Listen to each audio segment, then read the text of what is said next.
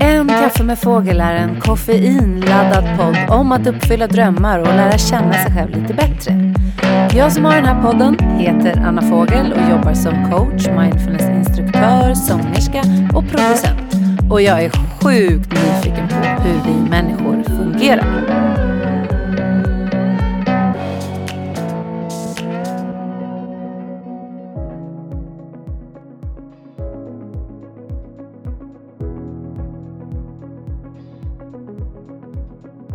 Idag är Karin Hägglund gäst i podden. Karin är aktuell med boken Så skilde döden oss åt, om cancer mitt i livet. En bok som handlar om hur hon vid 32 års ålder förlorade sin dåvarande man i cancer. Och om deras sista tid tillsammans och året efteråt. Och just nu jobbar Karin med ett forskningsprojekt på Gymnastik och idrottshögskolan som handlar om hållbart ledarskap hon är också en mycket uppskattad föreläsare. Karin har också varit både svensk och nordisk mästare i karate och hon var den första kvinnliga landslagsledaren i Svenska Karateförbundet inom grenen kata. I dagens samtal så pratar vi om hur Karin tog sig igenom den tuffa tiden efter att hennes man hade gått bort.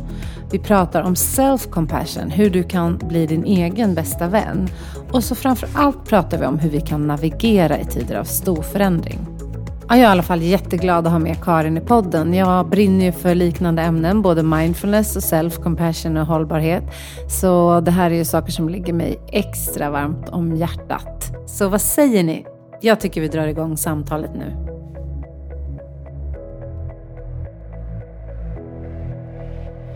Varmt välkommen Karin Hägglund till En kaffe med fågel. Så kul att du är min gäst. Jätte, jättekul att vara här. Så jag blev så glad när du bjöd in. Ja, underbart. Mm. Och eh, jag bara börjar fråga, hur är läget? Jo men eh, läget är ganska bra. Eh, lite småtrött ska jag säga. Eh, men eh, annars så riktigt bra. Mm. Mm. Trots allt som pågår i den här märkliga tiden. Ja. Ja, men vad härligt. Och det är mm. okej okay att må bra också trots allt som pågår. Ja, och jag tänker nu har det ju gått en tid och att man har kunnat börja landa i vissa saker och det har varit viktigt för mig. Mm. Samma här. Jag har gått igenom många olika känslor under vägen men liksom någonstans börjar jag också landa när jag har gått igenom de här känslorna och landa i nuet och det som faktiskt går att påverka också. Ja. Du och jag har ju redan spelat in ett avsnitt. så jag ja. säger det till eh, lyssnarna. Eh, idag spelar jag faktiskt in på Clarion Sign. Och vi sitter på långt avstånd. Ja. Mm, väldigt långt. Och, eh, men vi spelade in ett eh, onlineavsnitt och tekniken strulade lite så det bidde inget. Nej, det fanns inget ljud kvar Nej. av vårt samtal. Men det, för mig känns det bara så himla kul att få sitta här med dig igen. Så det blev en, en bonus. Ja. Mm. Och eh, jag tycker det är kul att berätta för gästerna när det är någon jag känner lite grann som det gör med dig. Mm. Så är det kul att berätta så här, hur träffades vi? Och vi träffades ju faktiskt i Sundbybergs stad. För många år sedan. Jättemånga år sedan. Ah. Och du var folkhälsoplanerare, yep. var väl titeln där. Mm. Och jag var kulturproducent i Hallonbergen. Ja, aggregat som är för lite äldre ungdomar också och man verkligen får komma in och lära sig att eh, spela eller måla och på ett sätt som är ganska unikt. Ja, helt, ja. helt unikt ställe. Så jag som folkhälsoplanerare var ändå väldigt så här, glad och tacksam för den här verksamheten mm. för att kultur är också någonting som bidrar väldigt mycket till hälsa. Absolut. Och det är kul nu för nu har ju min son som är 16 börjat repa på aggregat. Och eh, det är så här cirkeln sluts. För han var ju där med mig när han var liksom fyra år och sprang omkring i korridorerna. Men det är faktiskt ett mm. av de roligaste jobb jag haft ska jag säga. Ja. Och mest givande jobb att få jobba med unga och deras skapande. Men framförallt att det var så mycket utifrån dem själva. Och mm. in, liksom, absolut så här att man vill bli bra och så. Men att det var väldigt mycket coachande där i att eh, här, uttrycket mer än prestationen.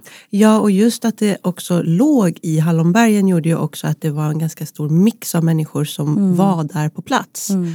Och jag vet att jag fick så fantastisk hjälp när vi skulle göra en så här eh, anti-rökkampanj.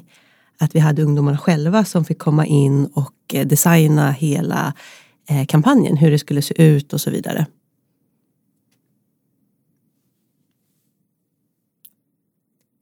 Om vi blev tysta nu. så kom det en man och satte upp en lapp och står test av brandlarm under förmiddagen. Ni behöver inte evakuera. Ja, det är väldigt bra, men om vi bara skriker till här då, så, och tar en liten paus på någon minut så vet ni varför. Men Eller om det, det verkligen lite, brinner inne så har vi inte evakuerat. Det går troll i vår inspelning. Men eh, vi fortsätter så länge vi kan då Karin. Jo, och aggregat finns ju kvar. Ja. Eh, så, och den verksamheten blomstrar ju och mm. utvecklas nu. Men nu till nutiden, för då är det ja. så här att jag slutade 2013 mm. på aggregat och hade inte träffat dig på väldigt många år. När vi sprang på varandra på en gemensam väns bokrelease. Mm. Och då berättade du för mig, alltså vi gjorde ju lite catch-up, vad har hänt i mm. våra liv sen vi såg sist. Och då berättade ju du om det vi kommer prata om idag. För mm. det du har skrivit en bok om. Att ja. du under de här åren faktiskt förlorade din man i cancer. Ja. Och jag hade ingen aning om detta. Nej. Eh, för det liksom blev, var ju där precis i skiftet när jag slutade. Ja, och du han... också var ju inte där så jättelänge efter det va? Nej, han blev ju sjuk hösten 2012. Mm. Och då började ju liksom ett visst inferno i livet. Eh, och sen var han sjuk i ett och ett halvt år i cancer. Och gick bort i början av 2014. Så att eh, jag, tror, jag hade också missat lite att varför du slutade och så vidare. Men det var väl också för att man är ganska i eh, sitt, sin egen storm just där och då var ju jag. Mm, mm. Exakt. Och du skrev ju boken Så mm. skilde döden oss åt. Ja. Eh, som fortfarande är väldigt aktuellt. Det är inte så länge sedan du släppte den. Nej, det är ungefär sex månader sedan nu. Mm. Mm. mm. Och det är en jättesorglig bok såklart. Men också en väldigt fin bok tycker jag. Alltså det är verkligen en kärlekshistoria. Och att man får följa er. Men både liksom när Peter blir sjuk och ända fram tills att han dör och sen din tid efteråt. Mm. Uh, och den är väldigt liksom, så här, nära och äkta tycker jag. Tack. Uh. Tack. Ja, jag har ju um, dels avgränsat den till liksom det första året efteråt och ganska tydligt tiden med sjukdomen, inte så mycket om vårt liv innan.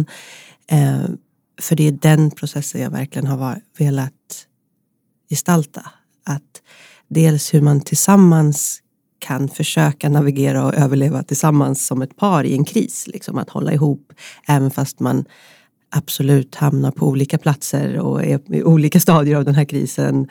Eh, men eh, hur man ändå försöker hålla ihop. Eh, och sen eh, året efter att eh, den avgränsningen blev ganska enkel för att det är så många som pratar om ett första sorgeår. Och även om jag hade lite funderingar kring att förhålla sig till det så blev det en bra avgränsning för det var väldigt tydligt för mig att försöka överleva det året och leta efter saker som ändå ger mening och energi där och då. Och ähm, ja. Och det skrev du ju om också just att så här, jag ska bara ta mig igenom det här första året. Mm. Ja. Hur viktigt var det för dig att du hade satt liksom det här datumet som ett första steg att alltså, bara ta dig igenom? Ja, men, jag, det hjälpte mig att ha någonting att ha sikte på och eftersom jag kämpade extremt mycket med både, att, så här, sorg och ångest och alla de känslor som kan komma upp i, i sorg eh, så var det verkligen viktigt att sätta upp någonting att förhålla mig till. Eh, för att så här, hur skapar jag någon typ av mening och energi? Kan jag hitta de sakerna det här första året? Blev väl som en första milstolpe att hålla mig i eftersom jag för det här, jag ska säga det här för jag var inte, jag ska inte säga att jag var liksom självmordsbenägen, men jag funderade ju på så här, okej, okay, kan jag få sluta andas? Alltså så här, för när det var som jobbigast, det är ju mer liksom en känsla där och då än det var en praktisk handling, att jag funderade på en praktisk handling. Eh, och då blev det så här, nej men jag ska försöka leva. Och det blev ett fokus, jag ska försöka leva det här första året mm. och hitta saker. Eh, så det blev ju att sätta upp ett mål eh, som hjälpte mig. Mm. Mm. Var fint ändå. Att du liksom klara, det där är ju självledarskap mitt i det värsta på något sätt. Liksom. Att klara av att leda sig själv på det sättet. Ja, jag, um, och det där är så, för jag har ju aldrig känt mig så svag någonsin som det första året. Nej. Aldrig någonsin. Och, eh, eh, samtidigt som jag kan förstå utifrån att det kan låta som att man är, är stark i det och försöker sätta upp ett mål. Men det var liksom min överlevnadsstrategi. Mm. Och samtidigt så var jag ju väldigt van från att ha varit elitidrottare att, att sätta upp något typ av mål och någonting att förhålla mig till. Mm. Eh, så det var inte på något sätt för att försöka vara stark utan det var mitt sätt att navigera. Mm. Att överleva helt Mm. enkelt. Mm. Ja. Wow. Men när ni levde tillsammans, du och Peter, Ja. då var det ju först en period då ni tänkte att sjukdomen skulle ta över, eller gå, gå över. Gå- ja. att utmaningen var att nu ska vi genomleva det här tillsammans Mm. och Peter ska bli frisk. Nu ska vi göra vad vi kan för att han ska bli frisk. Ja. Sen kom det en dag då ni fick beskedet att tiden är utmätt så att säga. Ja. Hur förändrades er relation efter det? Eller gjorde den det? Jo, men det gjorde den. Eh, att, eh, jag tror att där blir det än tydligare att man kan befinna sig eh, på väldigt olika platser i en kris. Och jag tror nästan att man ibland som par behöver göra det. För att när den andra sjunker ner så behöver någon, eh, den andra stå liksom lite mer fast och säga okej, men vi har ändå de här dagarna kvar. Eh, vad kan vi ändå påverka fortfarande? Och sen så nästa dag kanske den andra som sjunker ner. Så att det var, det var kanske inte Självklart möts man också i det som är fruktansvärt och hemskt och, och så. Men när jag ser tillbaks på det så var det nog ofta att vi kunde vara lite på olika platser för att eh, både hjälpa varandra och samtidigt så när man befinner sig på de olika platserna kan det ju också bli att det är där man eh, blir arg på varandra för att man den ena i att så här, nej men jag vet ju att den här tiden är, är, är utmätt, så här, vi måste göra de absolut viktigaste sakerna och den andra just då försöker hålla sig kvar i vardagen. Att, så här, det här är, jag vill inte acceptera riktigt. Eh, för det är ju eh, väldigt svårt att acceptera att tiden är ute. Det är jättesvårt Eh, såklart. Så att där, där blev det ju tydligare tror jag att eh, både att vi kunde bråka mer med varandra men också vara mycket mer här och nu när vi landade i det tillsammans. Mm. Eh, att våga steg för steg närma oss, att prata om det svåraste. Eh, ja. Precis, och kunde det föra er närmare varandra då? Att ni, Mm, i, att ni kunde och vågade prata om det som var absolut. Ja. Mm. Eh, men det, det, det, det kunde vi absolut. Eh, men det var också väldigt svårt ibland. Eh, för att man vill inte titta på varandra och förstå det. Ja, så, Eh, så att det kunde vi nog ta små steg mm. till. Och det var egentligen först sista tiden verkligen, när vi först bodde på Radiumhemmet och sen Stockholms sjukhem, där man verkligen närmar sig de frågorna på riktigt. Mm. Men det kan jag känna. Jag, min pappa gick bort i cancer 2015. Mm. Nu hade ju han levt ett helt liv på ett annat sätt. Alltså, det är på något sätt eh, tyngre än en ung människa Mm. går bort. Men pappa var 73. Men jag kan också känna igen det där att det är inte förrän i slutet man kanske börjar Nej. prata om de här sakerna eller liksom förstå eller våga fråga. Jag vet att min syster sa så här, men fråga hur han vill ha sin begravning. Mm. Det var så här, nej men det kan jag inte göra. Nej. Då är det som att han ska, ja men liksom han vet att han ska ja, det där är lite så här Nu spännande. kan man skratta åt det nu men att det, eh, det är intressant det där att jag vill inte ta in heller. Nej, och jag tror, men först vill jag väl säga så här, Mm. man får jag, jag tycker att man får skratta och, och, och prata om det här och det är Ja. samma sak i sorg. Att här, det finns perioder när man skrattar åt till exempel gamla minnen eller Ja. när man sitter i, i mitt i det brännande att det är på väg att ta slut. Så, alltså, att ha tillgång till hela registret fortfarande av känslor är viktigt. Eh, men apropå begravning, vi pratade ju om Peters begravning, det var dagen innan han gick bort. Det var då vi kom Mm. till det. Samtidigt som jag vet att han gjorde, det dubbelkollade på Spotify efteråt, att han gjorde sin lista, spellista till begravningen 30 december. Och det är alltså en och en halv månad innan han går Mm. bort. Så att självklart, och det där är, ja men precis det där är ju hur han gjorde den listan, men då pratade han inte med mig om det. Eh, för Men att han hade gjort han det. hade gjort Ja. den. Och det där att liksom, han ville nog inte säga det till mig då. Nej. Precis som att Jag ville kunde... skydda dig lite grann. Ja, och jag hade liksom eh, vet att jag satt på rean och beställde en klänning och så vet jag tanken kom så här, men det här är säkert en begravningsklänning och det här var ju julrean. Ja. Det sa inte jag till Peter heller för att Nej. man inte vill eh, sätta ord på det som Nej. båda vet. Ja. Och ibland så satte vi ord på det men det är väldigt svårt att veta hur man ska agera när man vet att det inte är så lång tid kvar. Mm. Supersvårt. Men det här med alla känslor också tycker jag är så viktigt för att du sa det innan det här att ni tjafsade eller man kan skratta om något galet skämt eller man har mm. vänner på middag att mitt i det som är den här jobbiga perioden mm. även ha både vardagshändelser, ja. alltså roliga saker och trevliga saker. Men också faktiskt rutiner, alltså du tränade ju och liksom mm.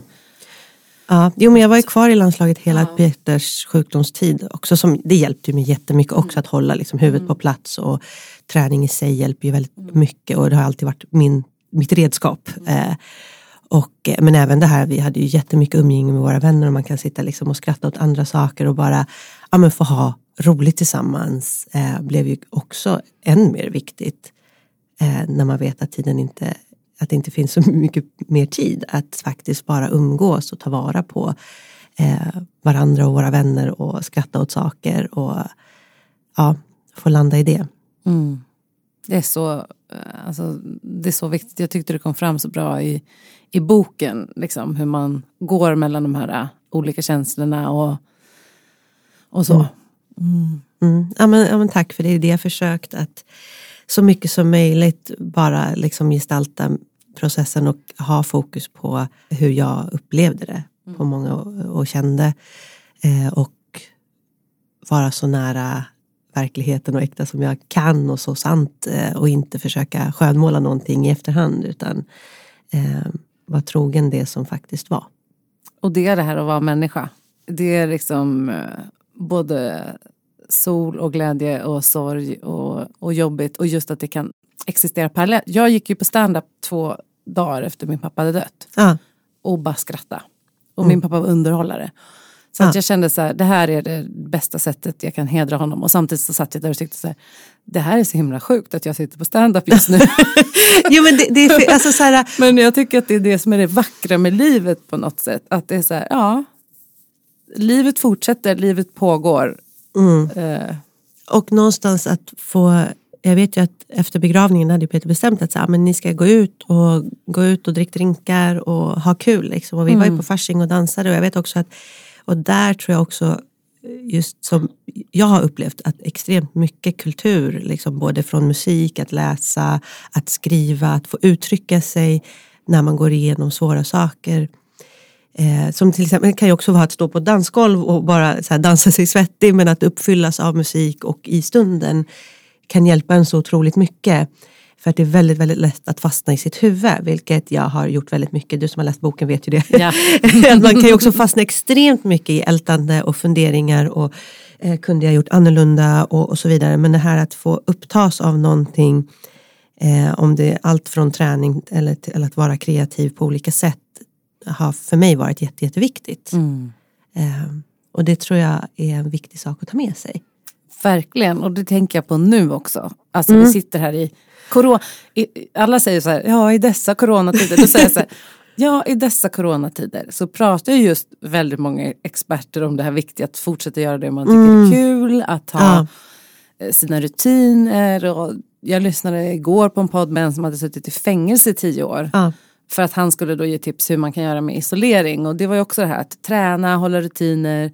Alltså försöka hitta en mening och just göra de här sakerna som man kan kontrollera. Ja. Men jag tror att just som du sa med kultur mm. och rörelse, dansa, ja. kroppen eller också det här med skratt. För det tänker jag på det kommer så otroligt mycket så här memes och skämt ja. och så här, under en kris.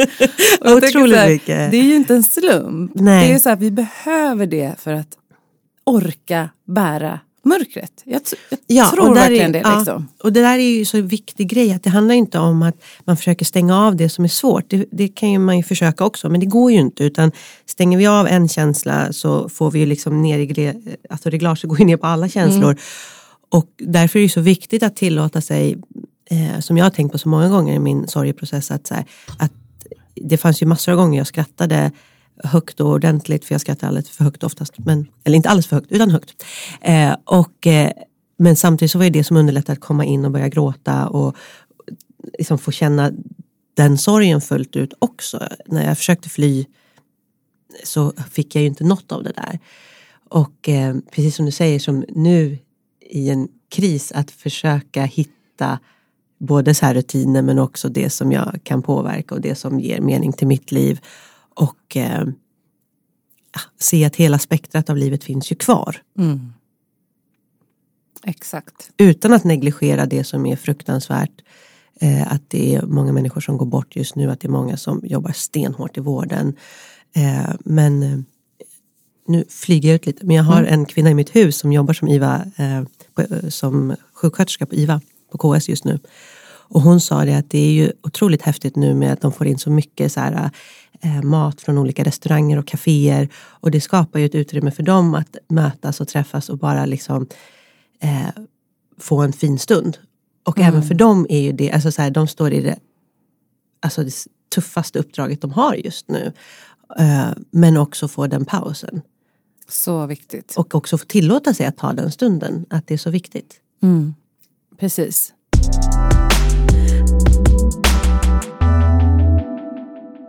Ja men vi pratade om det här att det är viktigt att faktiskt få ta alltså både en paus mm.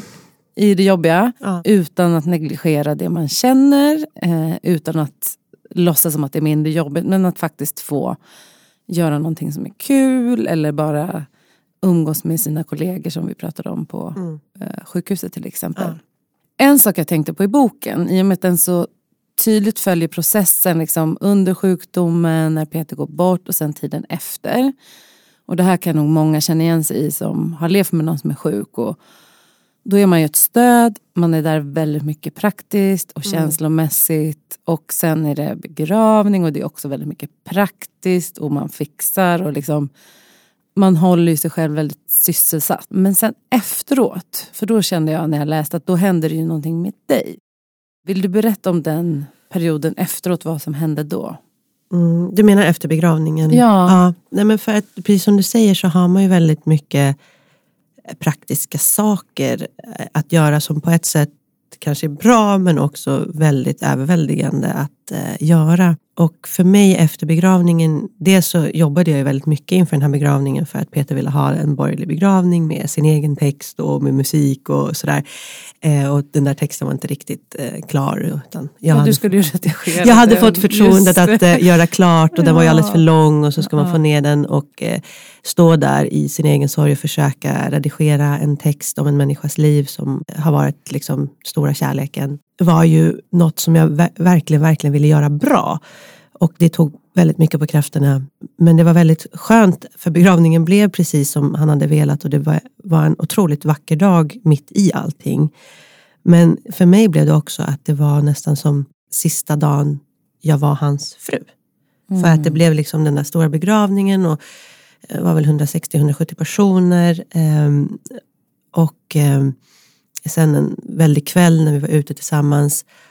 Och sen vakna upp och se vart tar jag vägen nu? Mm. Och där började nog egentligen det där riktiga, liksom, vänta nu, vem är jag? Eh, vad ska jag ta vägen? Nu är jag liksom mer ensam med min sorg. För många andra så går man lite vidare efter en begravning. Mm. Eh, för de som står lite längre ifrån. Och eh, var vi tvungen att börja fejsa mig själv på ett annat sätt. Och jag åkte på semester faktiskt med min bror eh, till Kanarieöarna. Och eh, han är ju en sån som skriver och läser mycket så han var väldigt nöjd med att också sitta på en balkong och skriva och läsa. Och där började min process jättemycket med att börja läsa andras historier, började läsa allt från självhjälp och filosofi och så vidare. Att börja förstå hur kan jag möta och hantera det här på ett bra sätt. Och började också min egen skrivprocess. Att börja, liksom så börja gå tillbaka i tiden och vad hände egentligen de här ett och ett halvt åren? Hade För... du skrivit eh, an, liksom dagboksanteckningar hela tiden eller var det sånt som kom ifatt dig efteråt? Jag började skriva de sista veckorna Peter levde. Mm. Eh, men, eftersom, men boken tar ju upp hela sjukdomsförloppet och där är ju mycket återskapat med tack vare alla sådana här eh, mail, eh, messenger, whatsapp. Att så här, jag gick ju tillbaka ganska noggrant och eh, så här, vad hände varje dag? Vad gjorde vi egentligen? Mm, för det känns ju väldigt eh, dagboks... Eh... Mm.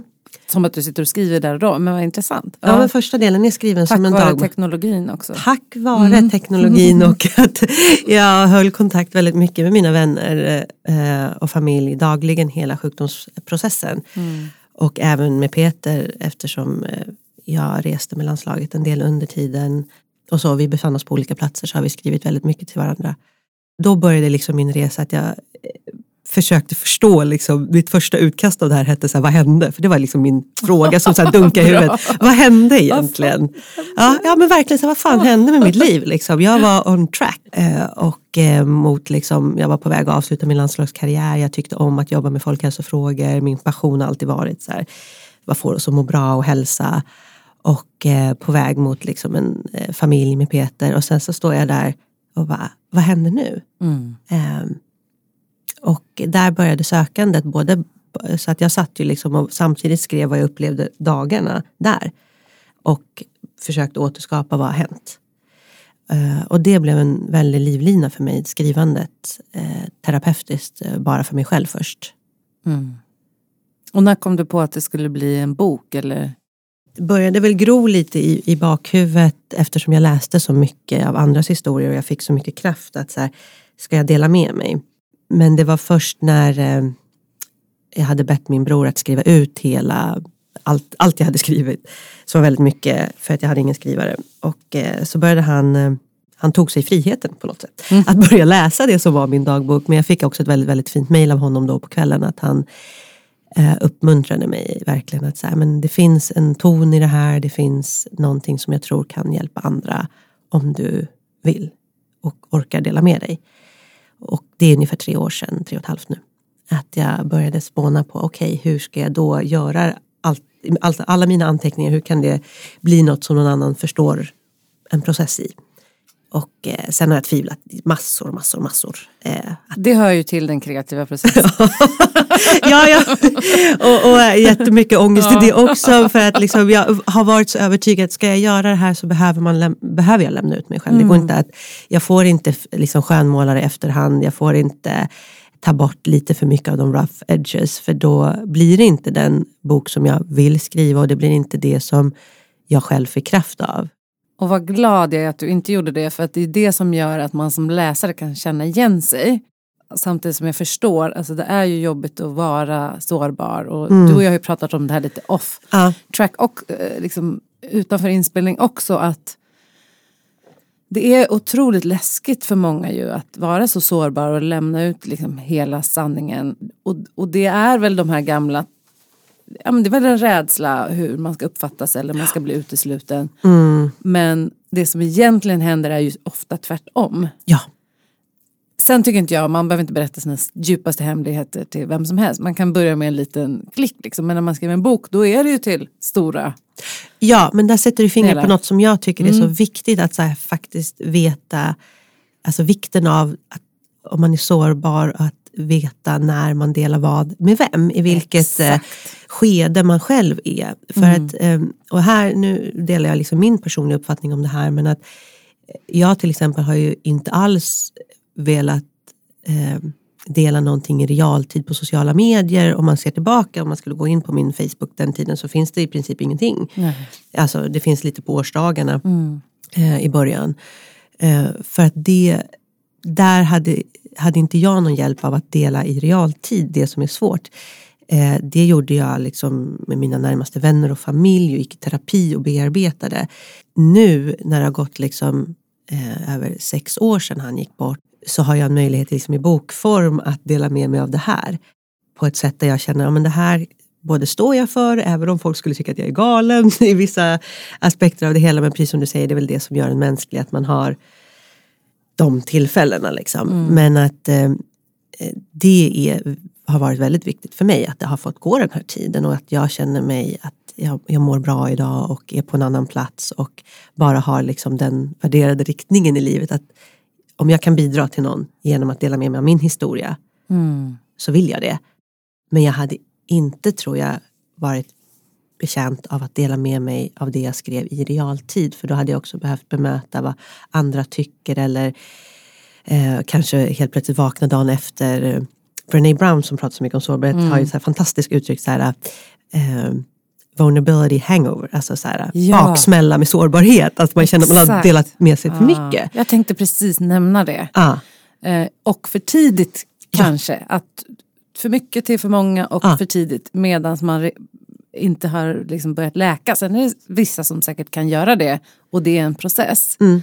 Eh, men precis som du säger, för, för många kan det ju vara så att du kan känna efteråt, liksom, shit nu har jag ja. delat lite för mycket till lite för många. ja, och det kan man ju så här, i livet också någon gång. Om man liksom kanske så här, oj nu sa jag för mycket på den där middagen och så börjar man fundera. Eller liksom, eh, och jag har ju föreläst om min historia eh, också i tre år så det blev väl också en liten check på. Då vet jag att jag just eh, jag hade en testföreläsning uppe på Idrottshögskolan eh, för ett gäng eh, psykologistudenter. Just bara för att testa så här, hur kommer det här kännas dagen efter. Kommer jag vakna med så här, världens sårbarhetsbaksmälla?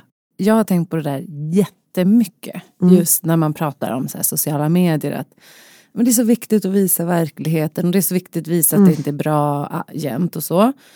Jag kan hålla med om det därför att det blir en sån här jämförelsehets. Ja. Man jämför liksom sitt eget inre med andras yttre. Som Mia Gud vad roligt, jag brukar säga på mina föreläsningar. Eller hur? Vi får en föreläsning vi säger samma sak. Nej, men liksom att eh, man jämför sitt inre med andras yttre. Men att det samtidigt, det finns ju en anledning varför man inte vill skriva på sociala medier när man är ledsen eller när någonting jobbigt har hänt. Ja. Därför att det är ju liksom massa människor man kanske inte känner. Det är en sak om man bara skulle ha liksom sina närmaste vänner och familj. Men om man, som du och jag har ju liksom öppna Instagramkonton och man är på LinkedIn och ehm, så. Att, ehm, för där tycker jag att det är viktigt med att man får sätta den egna gränsen kring sin egen integritet. Och, eh, och det har inte att göra med att, man, att livet alltid är fantastiskt bra just nu. Eller, här, jag är ju det är småbarnsförälder idag, min son är åtta månader. Det är självklart det finns månader jag man kan säga oh, det här det är bärs liksom. Men det är också att jag inte, då är inte heller min första kanal sociala medier. Nej, precis. Då, då är det typ mina föräldrar eller mina närmsta vänner. Ja, och en kaffe med fågel podcast. Såklart. Ska jag. En kaffe däremot är jävligt viktigt. Jävligt viktigt.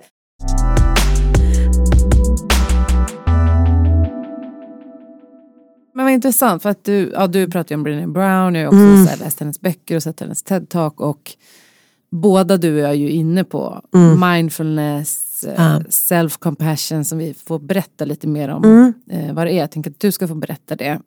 För du jobbar ju med ett projekt. Mm, ett forskningsprojekt eh, och jag är så himla excited för jag ska börja jobba igen den här veckan faktiskt. Eh, på, lite, på deltid eh, så att jag ska varva min föräldraledighet och jobba lite i det här forskningsprojektet igen uppe på Gymnastik och idrottshögskolan. Där vi tittar på hållbart ledarskap inom elitidrotten. Eh, för nu har jag fått gifta ihop mina världar. Jag som alltid älskat liksom, vad är det som får oss att må bra och hälsa. Och så har jag hållit på med elitidrott, så här, hög prestation. Eh, hur kan man prestera bra i de tuffaste lägena eller när man liksom, trots känslor och tankar. Ehm, och nu får jag gifta ihop det så att vi tittar på hållbart ledarskap och eh, utifrån självreflektion, mindfulness och self-compassion. Fint. Ja, självmedkänsla heter ju self-compassion på svenska men jag använder ordet self-compassion. Jag med. Ja, för att jag är, enkelt sagt så tycker jag egentligen bara att compassion är mycket större än medkänsla. Samma. Och eh, därför håller jag kvar i det. Men berätta då, för den som inte vet, vad är self-compassion, självmedkänsla? Självmedkänsla är um, utifrån en forskare som heter Christine Neff som är amerikan. Hon började forska kring det här i början av 2000-talet och ehm, eh, hon menar på att det finns tre komponenter som är viktiga i self-compassion. Den första är self-kindness, alltså att kunna vara vänlig mot sig själv. Eh, att, eh, upp, att inte ständigt så här, kritiskt döma sig själv eller värdera sig själv och uppmärksamma den här inre kritiska rösten som jag tror alla har mer eller mindre är en hjälp för oss att eh, navigera i livet och undvika faror och när något har hänt så ska vi just titta på situationen och se hur kan vi undvika det nästa gång. Däremot i vårt moderna samhälle så kanske den all, inte alltid hjälper en att älta saker. Så att eh, kort och gott self-kindness-delen handlar egentligen så här hur skulle jag behandla min bästa vän? Eh, hur kan jag behandla mig själv på samma sätt? Och, eh, del nummer två är vad man kallar på engelska common humanity som är medmänsklighet. Att så här, inse att det finns ingen som är perfekt. Alla kämpar med olika saker i livet. Oftast vet vi ganska lite om varandra när vi möts. Det är lätt att få en bild av att allting är så perfekt apropå sociala medier. Eller mm. att, eh, och det är så lätt att när man mår dåligt att man eh, istället för att söka och förstå att det finns andra i världen som också kämpar med saker eller har gått igenom samma sak så isolerar man sig och tänker att så här, shit, det är, bara, det är bara jag som är utsatt, det är bara, det, livet är så orättvist, det är bara jag som är drabbad. För det är väldigt lätt att hamna i när man mår dåligt. Att så här, alla andra har fantastiska liv. Mm. Mm. Det är fan med bara jag.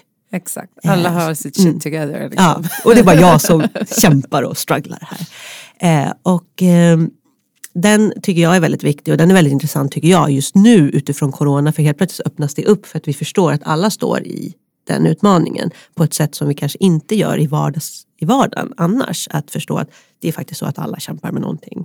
Exakt och det här kan vi ju ha kvar mm. hoppas jag. Att man kan ha kvar den här känslan av att vi har empati för varandra. Mm. Och att, för nu är det så tydligt att alla är liksom i samma båt fast på olika sätt. Ja och folk hjälper varandra på ett mm. annat sätt. Mm. Det är så här, vi tar mer hänsyn. Mm. Jag tycker jag märker det även fast jag rör mig absolut mest utomhus och i min lägenhet. Mm. Men att folk tar hänsyn på ett annat sätt och jag tycker även tonen, för att allt det ändå jag har pratat om sociala medier, jag tycker ju om sociala medier och hänger där en del, så tycker jag också tonen har förändrats en del. Eh, att man kanske är mer ödmjuk och empatisk inför det vi står inför. Mm, jag håller med och det är ju för att man då vet att andra har det lite tufft just nu. Mm. Men som du säger, andra har det ju tufft utan att man vet om det annars. Ja, ja. det är ju så. så. Ja. Eh, så jag tycker det där är häftigt.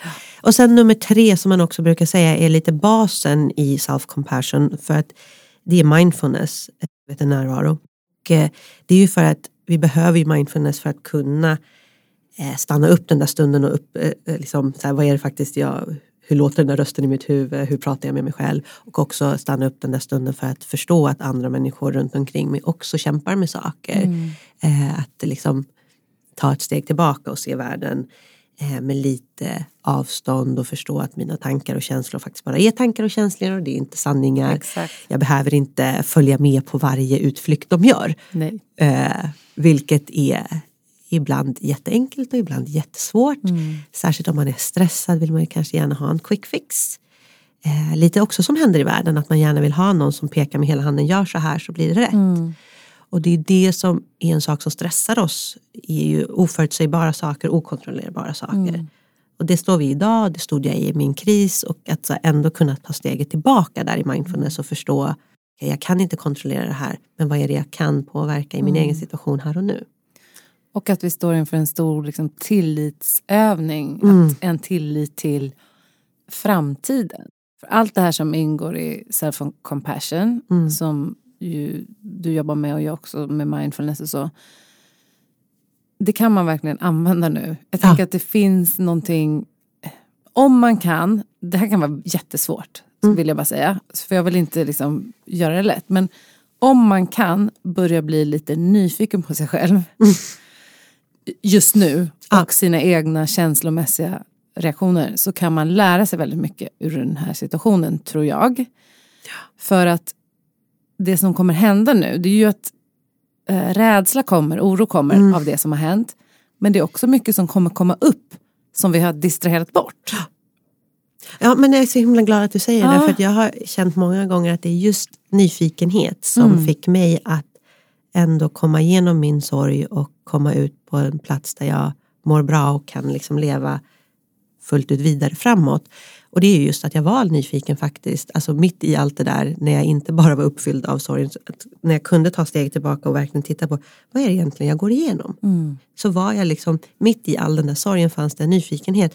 Vad, vad, vad, betyder alla de här känslorna? Mm. Det var ju då jag eh, liksom stötte på Brené Brown i hennes TED-talk och började läsa alla hennes böcker just kring att så här, vad är det här med sårbarhet och kunna möta allt som jag upplever. Och det eh, tror jag precis som du att det är jättevärdefullt om man orkar i vissa stunder just nu vara nyfiken på vad är det som händer med oss människor. Mm. eh, och mig själv och Mm. mina reaktioner. Ja, och min identitet. Om Mm. jag har liksom inte kan, alltså nu är det här light-versionen för som du sa, vissa som jobbar i vården har det ju jättetufft. Men Ja. det kan vara tufft bara för att inte gå till sitt kontor och träffa sina kollegor. Mm. Eh, vad händer med mig då? Vem är jag när jag sitter och jobbar liksom ensam hemma? När jag inte Mm. får den här bekräftelsen i det sociala. Alltså det Mm. finns så många aspekter. Och det skulle jag vilja ta tillbaka till dig Karin. För att eh, i boken, Mm. eh, vilket ju också är väldigt vanligt så kan jag förstå liksom, är ju att du pratar en del om så här, gjorde jag tillräckligt Mm. för Peter? Liksom, efter begravningen och allting så kom ju du i kontakt med väldigt mycket liksom, skam och Mm. skuld och skulle jag ha gjort mer? Eh, Men sen får jag känslan av att du också applicerar mer self-compassion mot dig själv och jag vet inte om det stämmer. Jo, alltså nu i efterhand när jag vet vad self-compassion är, Ja. det visste inte jag då, Nej. kan jag ju se att det var en process mot det. Mm. Eh, men i början så var jag extremt hård mot mig själv om man tar den här första delen, att eh, ha en inre kritisk röst. Jag har ju en piska liksom. Mm. Eh, och som jag har haft hela livet. Eh, absolut. Eh, Så att det var ju ett mönster hos mig som bara förstärktes i sorgen.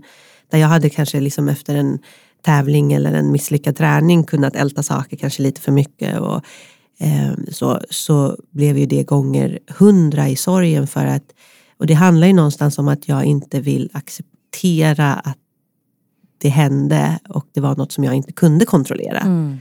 För att kontrollförlust är kanske bland det svåraste att eh, acceptera. Mm. Så att det var ju mitt försvar att försöka älta, älta, älta. Vad kunde jag gjort bättre? Vad, Mm. Kunde jag ha sett någonting? Kunde han ha gått till läkaren Mm. tidigare? Och det var en extremt jobbig eh, process för mig. Eh, men när jag började också, så här, både, och där kom ju kraften av att läsa andras historier. Att så här, det är inte bara jag, varken som är drabbad av sådana Mm. här saker. Men, Det är igen med det här kollektiva. ja, men Alla också, går igenom. ja, alla går igenom svårigheter. Eh, och, eh, att, eh, och det som... Jag har hållit på med karate och det är ju liksom, jag har haft en väldigt traditionell tränare också. Så att, att den har ju en eh, österländsk filosofi. Och eh, även om inte vi pratar om mindfulness, utan, men det finns liksom integrerat i att man har en sittande meditation och att det handlar väldigt mycket om att kunna stanna upp i, i nuet och bara vara i varje teknik till exempel. Eh, och det hjälpte mig ju i det som kom efteråt också. Precis. Och då kan man prata om det här med identitet Mm. eh, också. Om man har skapat sig en identitet som är att alltid vara stark. Eller, för det har jag ju själv känt med min utmattning. Mm. Att jag fick göra en resa av att nej, nu är inte jag den här, ah, nu säger jag stark fast man är ju stark liksom, även när man är svag. Men, ja, men du förstår vad jag menar. Jag förstår vad du menar för det blir det här utifrån. Det kunde jag Ja. uppleva jättemycket. Mm. Jag var ju, ehm, även om jag ser det utifrån nu också, väldigt stark under Peters sjukdom. Både så här, fysiskt så var jag Mm. i så här, toppform och tävlade internationellt. Och sen att jag var verkligen den som tog hand om allting och eh, hade koll på alla läkare och mediciner och Mm. vad som skulle göras. Och även sista tiden att man koordinerade folk som ville träffa Peter och, och liksom hade koll på allting. Ehm, och det var ju också bilden som fanns av mig. Att man är elitidrottare, man är stark och man är energisk och man har struktur på grejer. Eh, och det blev ju väldigt clash efteråt. Ja. Både för andra och för mig men också den clashen att jag förstår att det är en clash för andra. Mm, det är intressant. För de förväntar sig att du Ja. ska vara på ett visst sätt. Ja, och jag bara sa ju nej till den bilden. Mm. Så här, jag var sjukskriven på heltid, jag loggade ur sociala medier. Jag fanns liksom bara i min egen bubbla för att det var det jag behövde. Och det tog ett tag att acceptera för mig själv och för andra och eh, att vara trygg i det. Ja, just det. Det är både självacceptansen och att helt plötsligt så beter du dig på ett sätt som är så här, det här brukar inte Karin göra. Nej. Nej. Hon borde vara tillbaka här på jobbet ganska fort. Mm. Och, eh, så. Eh, och det handlar ju också om att det skapar ångest hos andra människor att en person inte är på banan igen. Mm. Ehm, Ja, för det handlar också om att kunna hålla space för andras Mm. eh, känslor. ja, Eh, hur bra man är på, på det.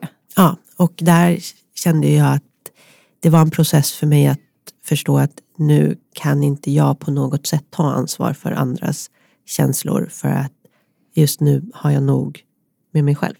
Det fick jag också mycket stöd av både av min familj men också att jag eh, i mitt nätverk så fanns det en kvinna som jag hade känt en del men hon ringde upp och sa, och det här visste inte jag innan, att hon hade varit med om samma sak när hon var 29. Ja. Så hon guidade ju mig väldigt mycket och vi träffades mycket och hon var den som verkligen så här, ta din tid, eh, våga känna det här och i samtal med henne så kände jag mig ju aldrig galen heller utan hon bara satt ju både och skrattade och grät när jag berättade Ja, hur jag höll på. För att hon kunde känna igen sig Ja. och det är det, det där apropå att kunna dela en mänsklig historia Mm. eh, som den är. Eh, och, men däremot att komma tillbaks till self-compassion är ju att eh, det är ju något som jag kan se i min process började utvecklas och något som hjälper mig extremt mycket idag när jag har både jobbat med det själv och får jobba med det i mitt jobb. Att eh, se att det här är ju någonting som hjälper oss väldigt mycket eh, när saker inte går som vi har tänkt. Otroligt mycket och speciellt om man är så här, man är van att det går lite bra och så gör man helt plötsligt ett misstag eller det går dåligt. Eh, då kan, kan man ju bli jättehård mot sig själv. Liksom. Ja. Och det är ju intressant att se vad som händer med ens mående när man lyssnar på den kritiska rösten. Ja, För den kan ju ske eh, väldigt automatiskt. väldigt automatiskt. Jag tror inte ens vi eh, uppmärksammar den alltid Nej. på det sättet. Alltså Nej. man är så van den så att den finns där. Eh, och Som för- den här piskan som du berättade. Ja. Att det kan vara som en inre piska. Eller som någon inre röst som liksom säger bara, "Nej, du kunde gjort lite bättre där. Eller du kunde liksom. Ja. Eh, ja, eh, det är så kul, jag hade en kvinna efter en föreläsning som kom fram och bara Karin jag har ingen piska. Och jag tänkte så här, shit vad skönt. Ja. Men så säger hon så här, hon bara jag har någon som viskar. Det borde du ha tänkt på. Just Idiot! Och det är så himla så här att så det kan ju låta annorlunda för olika människor. Eh, men att eh, se hur mycket både energi vi lägger på att kanske eh, älta saker men också att kritik är ju inte bästa motivatorn. Nej. Och det är ju någonting som man faktiskt till och med forskat på kring self-compassion för det är ju många som kan ha lite motstånd till att säga, men vadå kommer jag komma någonstans som är snäll mot mig själv, det här låter lite mesigt. Eh, behöver jag inte den här piskan liksom för att komma framåt? Och då har man ju till och med tittat på att så här, nej, den här kritiken är inte det som gör oss modiga. Och det kan man egentligen tänka på i stort. Så här, om man har en tränare eller ledare eller chef som är väldigt kritisk så är man ju inte jättekreativ, man kanske inte vågar göra misstagen och då vågar man ju inte prova nytt. Då är det ju inte den inre motivationen heller. Då är det ju en rädsla för Ja. vad som händer om jag gör fel. Ja. Liksom. Eh, och det, som man, det är ju det man har kopplat till, för det som är häftigt tycker jag med self-compassion, eh, måste jag ju säga, det är ju att här, man kan se, nu har det forskats på det här sedan 2003 och man ser liksom att det finns effekter på ökad optimism, glädje, bättre fysisk hälsa eh, och ökad motivation. Och det tycker jag ju är superspännande för det här låter ju som saker vi alla liksom strävar efter. Eh, men det finns ett annat sätt att sträva efter det än vad vi kanske normalt sett är lärda. Exakt. För det här, Och i alltså, början kan det vara lite ovant. jätteovant och eh, jag vill verkligen understryka att self-compassion är inte någonting som är medfött utan det är en kompetens vi kan lära oss och det finns program för det. Eh, som, och det tycker jag både är hoppfullt men också just det här att se att man kan vara nybörjare på någonting. Precis som jag kunde känna att det vände lite för mig när jag både var nyfiken på alla känslor men också förstod att jag är nybörjare på att vara i sorg. Eh, och att det är en del av att vara mänsklig. Där kom väl det här första steget mot någon medmänsklighet. Att det här är någonting som delas av många. Eh, men också att det, det är de här sakerna inom self-compassion som vi ser leder till ökat välbefinnande. Eh, när vi förstår att vi är en del av en större gemenskap. När vi, eh, våra upplevelser oftast är ja, sånt vi är programmerade för att känna. Men vi kan möta och hantera det på olika sätt om vi ger oss den där lilla stunden av mindfulness. Som vi kan faktiskt välja. Det är de där små sekunderna när man kan ta ett medvetet val. Som ibland är svårt. Ja, nej men det är en träning. Det är ju samma med mindfulness. Det är också en träning. Alltså att, eh, men jag tycker det är fint att både mindfulness och self-compassion liksom kommer högre upp på agendan nu. Och att fler pratar om det. För att eh, jag tänker här, vi lever det här livet. Och det är så otroligt eh, sorgligt om vi ska leva det här livet och vara så extremt hårda mot oss själva. Som vi aldrig skulle vara mot någon annan. Nej, alltså man kan verkligen ställa sig... Self-compassion i korthet är verkligen så här, skulle jag säga det här till någon annan? Säga det till min bästa vän om de var i den situationen som jag var i. En sak som jag verkligen vill understryka med self-compassion det är att ibland så kan det låta uppfatta att snäll är mesigt. Mm. Och eh, jag vet på någon föreläsning, ah, men ska man säga vänlig istället? För det var någon som reagerade väldigt mycket på snäll. Det var en mindre grupp som hade en del diskussioner mm. vilket var kul. Och eh, jag tror att det, det, bästa som man kan göra att förstå det är att vad är det som är bra för mig att göra? Precis. Det är en bra fråga att ställa sig själv. Eh, för att vara snäll, det är ju lätt att det skulle kunna bli så nej, men då kommer jag inte göra någonting. Eller det handlar om att bara unna mig saker. Utan det är faktiskt att här, ta sig själv på det allvaret och eh, se utifrån mina värderingar, riktningar i livet eller vad jag vill uppleva. Vad är då bra för mig? Vilka steg behöver jag ta? Mm. Precis. Så ibland är det lite uppfordrande ja, fast i all sin vänlighet. Mm. Liksom. Mm. Precis som man gör till en så bra vän. Så här, ja, men jag vet att du vill lyckas med de här sakerna. Mm. Vad vill jag då säga till mm. dig? Det är jättefint och jag vet att han, känner du till Russ Harris? Ja. Act. Act. Han har ju han har skrivit en bok som heter Lyckofällan. Och nu vet jag inte om det är den boken, men han brukar ju prata om just om du har kritiska tankar, att inte ifrågasätta om den är sann eller falsk. För det är lätt att man hamnar där, men det här är sant? Ja det vet jag inte, jag tänker ju det så det kanske är sant. liksom, det kanske är sant, jag kanske gjorde jättedålig föreläsning. Ja. Jag kanske gjorde, utan fråga, är den hjälpsam? Ja. Och det tycker jag är jättefint. Det mm. har jag jobbat med mycket med mig själv. Liksom. Att inte fastna i, är det sant eller falskt? Nej men det kan jag inte veta, det kanske var. För Nej, om man är väldigt kritisk då kommer man ju tro att det är sant. Ja, och det, det är lite kul. Jag, jag har tränat en del i Japan och min tränare sa alltid där att så här, det finns väldigt få saker som är riktiga sanningar i mm, livet. Exakt. Och det är lite inne på samma spår. Mm. Och, eh, eh så det har jag ofta haft med mig haft med mig. Jag gillar den där, är det hjälpsamt? För att man ska också komma ihåg att det här att utvärdera sig själv, det är inte fel. Nej. Det behöver vi göra för att lära oss ja. saker, för att utvecklas, för att bli bättre. Det är att hitta den där balansen. När går det här över till att det bara är en självkritik, att det är någonting jag ältar, att jag egentligen redan har gått igenom det här och jag kan liksom ja, ja, både du och jag föreläser lite. Och det är självklart det finns de gånger man är mer glad efteråt än andra. Ja. Och att man kan börja sådär, oh var det här bra? Och till viss del är det ju bra att utvärdera. Ja. Vad funkade med den här gruppen? Vad behöver jag mm. göra till nästa gång? Mm. Eller ja, men de här sakerna var jag nöjd med. Mm. Men utvärderingen måste ha ett slut. Ja, de måste ha ett slut. eh, så att, det är inte det här heller att det blir en, för en del så här, och då ska jag bara vara snäll och allt jag gör är fantastiskt. Nej. Nej, men, alltså så här, självreflektion är ju faktiskt att kunna titta på sig själv. Det här är jag med alla mina goda och dåliga sidor. Eh, och vissa saker håller jag nu på att jobba med. Alltså det här är så spännande Karin, jag kan ju prata hur länge som helst och vi har ju klarat oss undan brandlarmet so far. Men jag vet att du ska till din lilla Emil alldeles strax ja. som är din son. Så mm. att jag bara avslutar med två frågor. Din Emil är åtta månader. Ja. Eh, vad betyder det att ha en Emil i sitt liv? Ja men det betyder allt. Eh, ah. Han är, ja men det är en fantastisk gåva att få ha blivit mamma. Eh, och jag tycker de här åtta månaderna eh, har varit så otroligt häftiga att både så här, få följa hans utveckling, eh, ja, men få ta del av hans liv varje dag. Eh, och det är så mycket glädje och nu är det jättekul för han rullar så mycket och bara bla bla bla bla bla och ler och börjar få tänder och det försöker krypa och blir lite frustrerad när han inte kan. Och, mm. och det där just där att se den där utvecklingen och så här det är så tydligt när en bebis blir frustrerad för att man inte kan och så är vi vuxna också fast vi kanske inte uttrycker det på samma sätt.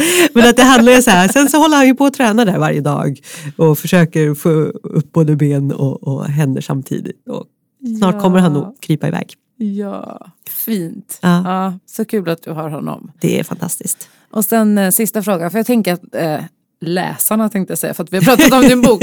Det här är lyssnare. Ja. Eh, jag tror att många nu tycker det är lite svårt att hitta hopp. Mm. Framtidshopp. Och då tänker jag att du har ju en kunskap först att du hade massa hopp om en framtid med Peter som liksom mm. drogs undan. Men också med din kunskap inom self-compassion och eh, hållbart ledarskap som ju också är att leda sig själv såklart. Mm. Så hur, hur tror du i en sån här tid att man kan ha framtidshopp trots det som händer? Är att dels förstå att den här perioden kommer att självklart gå över. Men också att framförallt vara här och nu. Och eh, lite som du har varit inne på, lite nyfiken på vad som händer men också ta vara på de dagar som är här och nu och inte lägga kanske hoppet just nu så långt fram. Mm. Utan att sådär att vi är ju här och nu och de här dagarna, eh, vad är det jag kan påverka, det har vi varit inne på. Och också se vad är det som utvecklas och kan gör, alltså komma ur den här krisen utan att göra det överpositivistiskt. För det, jag tror, vi ska inte dra det så långt för det är en väldigt här, svår och utmanande period. Så en sak är ju att acceptera. Att, här, och vi är nybörjare på det här. Vi har aldrig varit med om det här förut. Nej, så att jag tror en del är ibland också att kanske inte söka efter med ljus och lykta efter olika saker utan se vad är det som är i mitt liv nu som jag både är tacksam för, som är bra eh, och eh, förstå att vara snäll mot sig själv just i det här när jag navigerar i någonting som är nytt och svårt. Mm. Eh, att Mycket bra. ta hand om sig själv mm. och sina, självklart runt omkring sig och ta det ansvar som man behöver göra i den här situationen lite som self-compassion så är det ju också lite uppfordrande just nu. Så här, vad är det jag kan göra för att mm. bidra till eh, att den här krisen blir lättare för oss alla. Mm, och kortare. Ja. ja. Fint Karin. Tack. Bra, bra råd tycker jag. Tack. Och sen så tänker jag att eh, många vill eh, säkert läsa din bok. Så skilde döden oss åt och den kan man ju köpa på nätet eller på ja. Akademibokhandeln där ja. böcker finns. där, böcker säga, där poddar finns. Där böcker finns. Där böcker finns så finns så skilde döden oss åt. Och eh, självklart blir jag så glad för alla som läser den. Det är jättehäftigt nu när man får meddelanden mm. från människor som har läst den och eh, både känner igen sig och kan bli inspirerade även om man inte har varit med om samma sak. Nej, och det kan man. Och det är en fantastisk eh, bok så jag tipsar alla om att läsa den. Jag sträckläste den ju i två, tre dagar. Bara ah, låg och läste och kunde inte sluta. Jag tyckte den var jättefin. Tack. Mm, mm. Mm. Och sen så vill ju kanske, du har ju ett öppet Instagramkonto mm. till exempel och du ja. finns på LinkedIn. Vad heter du på de här ställena då? Eh, på Instagram så hittar man mig om man bara söker på Karin Hägglund men det står KM Hagglund. Eh, och sen på LinkedIn så heter jag Karin Hägglund. Och eh, även på Facebook så finns det en sida för boken men den heter också Karin Hägglund. Eh, så varmt välkomna att följa mig.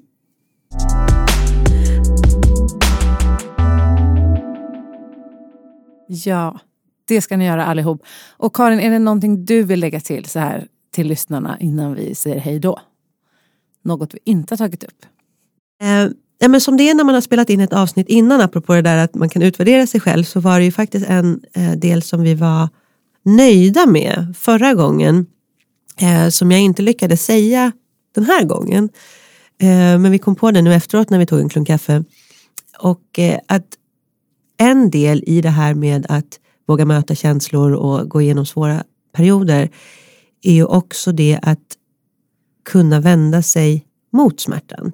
Och det är ju, eller för mig var det i alla fall främmande till i början eh, just för att vi ofta kanske jagar lycka och positiva känslor men att i det som är med mindfulness eller någonting som är svårt att här, våga ta det perspektivet att jag vänder mig mot det som är svårt eller det som är smärtfullt, smärtsamt.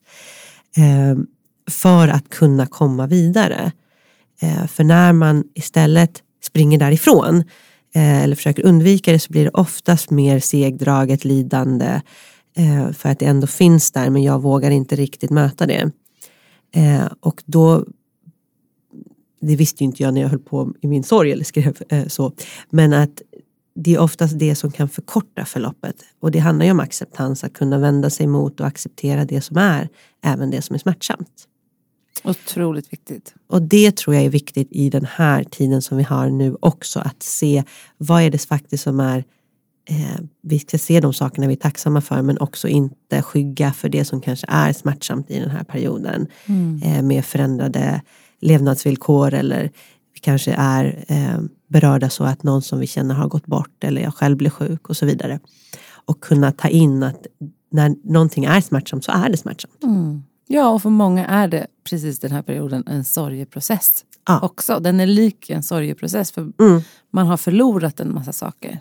Ja. Och eh, där tror jag att vi kan också hitta liksom en eh, kraft i acceptans och att vända sig mot. För att acceptans är inte att resignera eller stagnera utan att hitta steg framåt. Mm. Jättebra. Tack så himla mycket. Tack.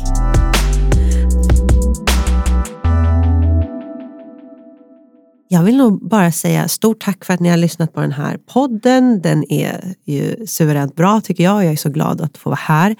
Och eh, ta hand om er där ute. Ja, tack för att ni har lyssnat. Eller där inne. Ta hand om er där inne, ja. Ja. Okej. ja, och ha det så himla bra och eh, fortsätt med empatin även efter när det här är över. Absolut. Kram. Hej då. Hej då.